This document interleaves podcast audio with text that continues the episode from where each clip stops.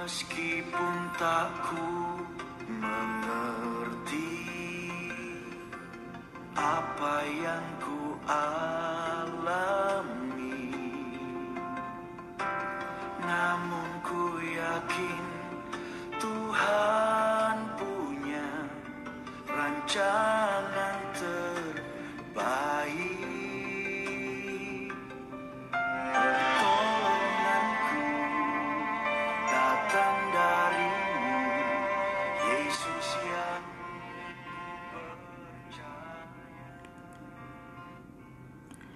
Selamat pagi rekan-rekan sobat Morgan Witches. Salam berjumpa kembali dalam program ini. Yang biarlah setiap kita ketika kita bangun pagi ini, kita masih menikmati kebaikan Tuhan. Kita boleh diberikan tubuh yang sehat, kuat, dan bahkan boleh bersuka cita menikmati hari ini.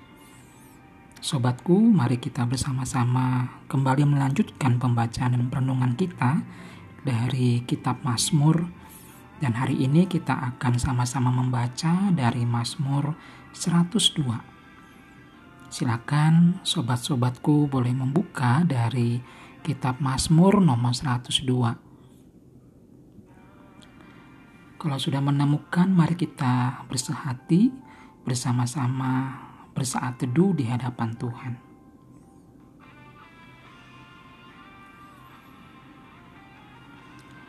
Sobat Morgan Witches berbicara tentang pembacaan dari Mazmur 102 ini bicara tentang iman yang sejati. Saudara yang kasih Tuhan, setiap kita orang percaya sebagai rata-rata kita menyatakan diri sebagai orang beriman. Kenapa kita orang beriman? Karena kita percaya bahwa segala yang telah tertulis dalam Alkitab itu akan digenapi pada waktu Tuhan. Sudah kasih Tuhan, seseorang yang punya visi juga memiliki satu harapan ke depan bahwa hidupnya atau visinya itu bisa tercapai. Tetapi kalau dia tidak punya misi, maka terasa berat baginya untuk mencapai visi itu. Demikian juga dengan iman. Iman adalah sesuatu yang tidak nampak di depan kita, tetapi kita bisa mengalami proses iman itu dalam kehidupan kita, baik melalui peristiwa-peristiwa yang menyulitkan, baik itu kesukaran, pen- penderitaan, bahkan juga hal-hal yang lain yang secara tidak langsung itu menjadi proses penempaan kita dalam kita mengimani janji-janji Tuhan.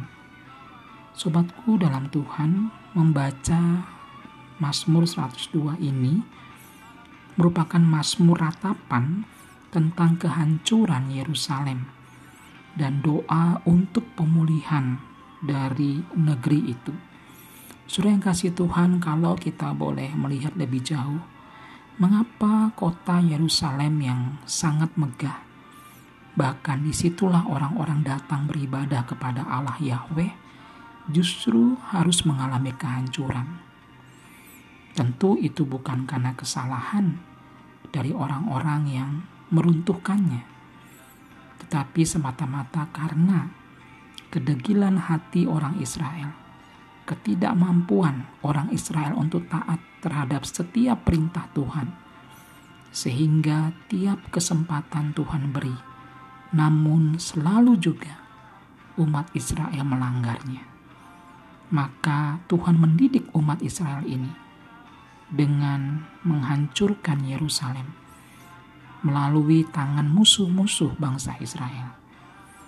Saudara yang kasih Tuhan dalam bagian ini, penulis mengekspresikan kesedihannya akan kehancuran Yerusalem. Kita bisa melihat dalam ayat 1 dan 2. Terlebih lagi diperberat dengan tidak tampaknya Tuhan yang seolah-olah menyembunyikan wajah Tuhan. Seakan-akan Tuhan diam dan tidak menjawab dari doa penulis ini. Saudara kasih Tuhan, ini membuat terkadang iman kita akan semakin goyah. Di tengah kondisi seolah Tuhan tidak, Tuhan diam, iman dan harapan akan pemulihan itu bisa saja terguncang. Tapi kalau kita melihat dalam ayat 13 sampai 16, pemazmur tetap memiliki iman yang tidak pernah luntur meskipun seakan-akan dalam doa dan permohonan dia dalam realiti realita yang dia lihat dia mendapati bahwa seakan-akan Tuhan tidak menjawab seruan doanya. Namun hal itu tidak menggugah imannya. Ia tetap menaruh pengharapan dan pengakuan akan kekuasaan dan kemurahan hati Allah. Pemasmur percaya bahwa Allah akan memulihkan Yerusalem meskipun satu saat nanti ia adalah pribadi yang tidak turut menyaksikan pemulihan itu. Tapi dia meyakini bahwa satu saat Tuhan akan memulihkan Yerusalem dan umatnya. Melalui iman, ia percaya bahwa keturunannya akan melihat pemulihan dari Allah itu.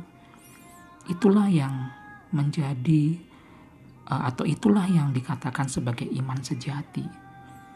Yesus Yesus pernah berkata, Berbahagialah mereka yang tidak melihat, namun percaya. Dalam Injil Yohanes pasal 20 ayat 29. Saudara yang kasih Tuhan, tema yang melandaskan perenungan hari ini adalah faithful, iman yang sejati. Iman yang sejati tidak seperti seorang yang tidak pernah sedih dan selalu mengalami mujizat-mujizat Tuhan Iman yang sejati muncul dari suatu ujian dan penempaan dalam berbagai kondisi sulit, seperti seorang yang sedang mencari pertolongan Tuhan melalui doa, namun ia seakan-akan tidak mendapatkan jawaban doa yang pasti dari Tuhan. Saudara yang kasih Tuhan, apakah ketika ia tidak melihat adanya jawaban itu, maka ia akan menyerah. Saudara, iman yang sejati bukanlah iman yang mudah menyerah dengan keadaan, mudah menyerah dengan berbagai situasi di sekitar kita. Namun iman sejati adalah iman yang makin terus berproses, terus bertahan, terus berjuang. Itulah yang diharapkan oleh Tuhan terhadap orang-orang percaya. Di sinilah iman akan diasah oleh Tuhan melalui kesabaran, komitmen, kesetiaan, dan pengharapan. Bila firman Tuhan pagi ini menolong setiap kita di tengah-tengah kondisi apa pun dalam rumah tangga kita, dalam ruang-ruang pekerjaan kita, dalam ruang-ruang pelayanan kita, dalam ruang-ruang relasi bermasyarakat. Mari kita kembali tak boleh menaruh iman seperti Abraham ketika Allah mem mem memerintahkan dia untuk pergi dari negerinya bersama dengan sanak saudaranya. Hanya satu yang dia lakukan, taat. Itulah yang Tuhan juga harapkan bagi kita. Di tengah-tengah kita menghadapi berbagai kondisi yang sulit, di tengah-tengah rumah tangga kita, di tengah-tengah pekerjaan kita, di tengah-tengah studi, bahkan juga pasangan hidup dan sebagainya. Mari kita tetap boleh angkat hati kita kepada Tuhan, fokus kepada Tuhan, dan percaya bahwa kalau kita terus menaruh pengharapan kepadanya, setia dan taat melakukannya, maka janji Tuhan yang telah kita baca, yang kita imani di dalam Alkitab, itu juga akan Tuhan nyatakan pada waktunya. Jangan ragu, tapi juga jangan asal-asalan beriman. Carilah Tuhan selama ada kesempatan di dalam Alkitab. Apa yang Tuhan mau bicarakan buat kita. Supaya dengan demikian iman kita makin bertumbuh, iman kita makin terasa dan iman kita makin teruji. Sehingga iman itu jugalah yang berbuah dalam buah-buah roh dan kesaksian kita. Demikianlah firman Tuhan pagi ini. Biarlah kita kembali dalam ruang-ruang kehidupan kita, memulai aktivitas kita dengan tetap punya pengharapan, tetap punya iman yang sejati, bahwa Tuhan akan menyatakan pada waktunya segala rancangan yang terbaik kepada kita. Sementara itu, mari sebagai orang percaya, kita terus menaruh pengharapan itu, sambil terus juga setia dan taat mengerjakan panggilan kita masing-masing sebagai orang percaya, sehingga pada saatnya orang-orang di luar sana yang belum percaya akan Kristus boleh melihat kesaksian kita yang berbuah itu dan pada akhirnya juga mereka memuliakan nama Tuhan di sorga. Terpujilah nama Tuhan, kekal sampai selama-lamanya. Amin.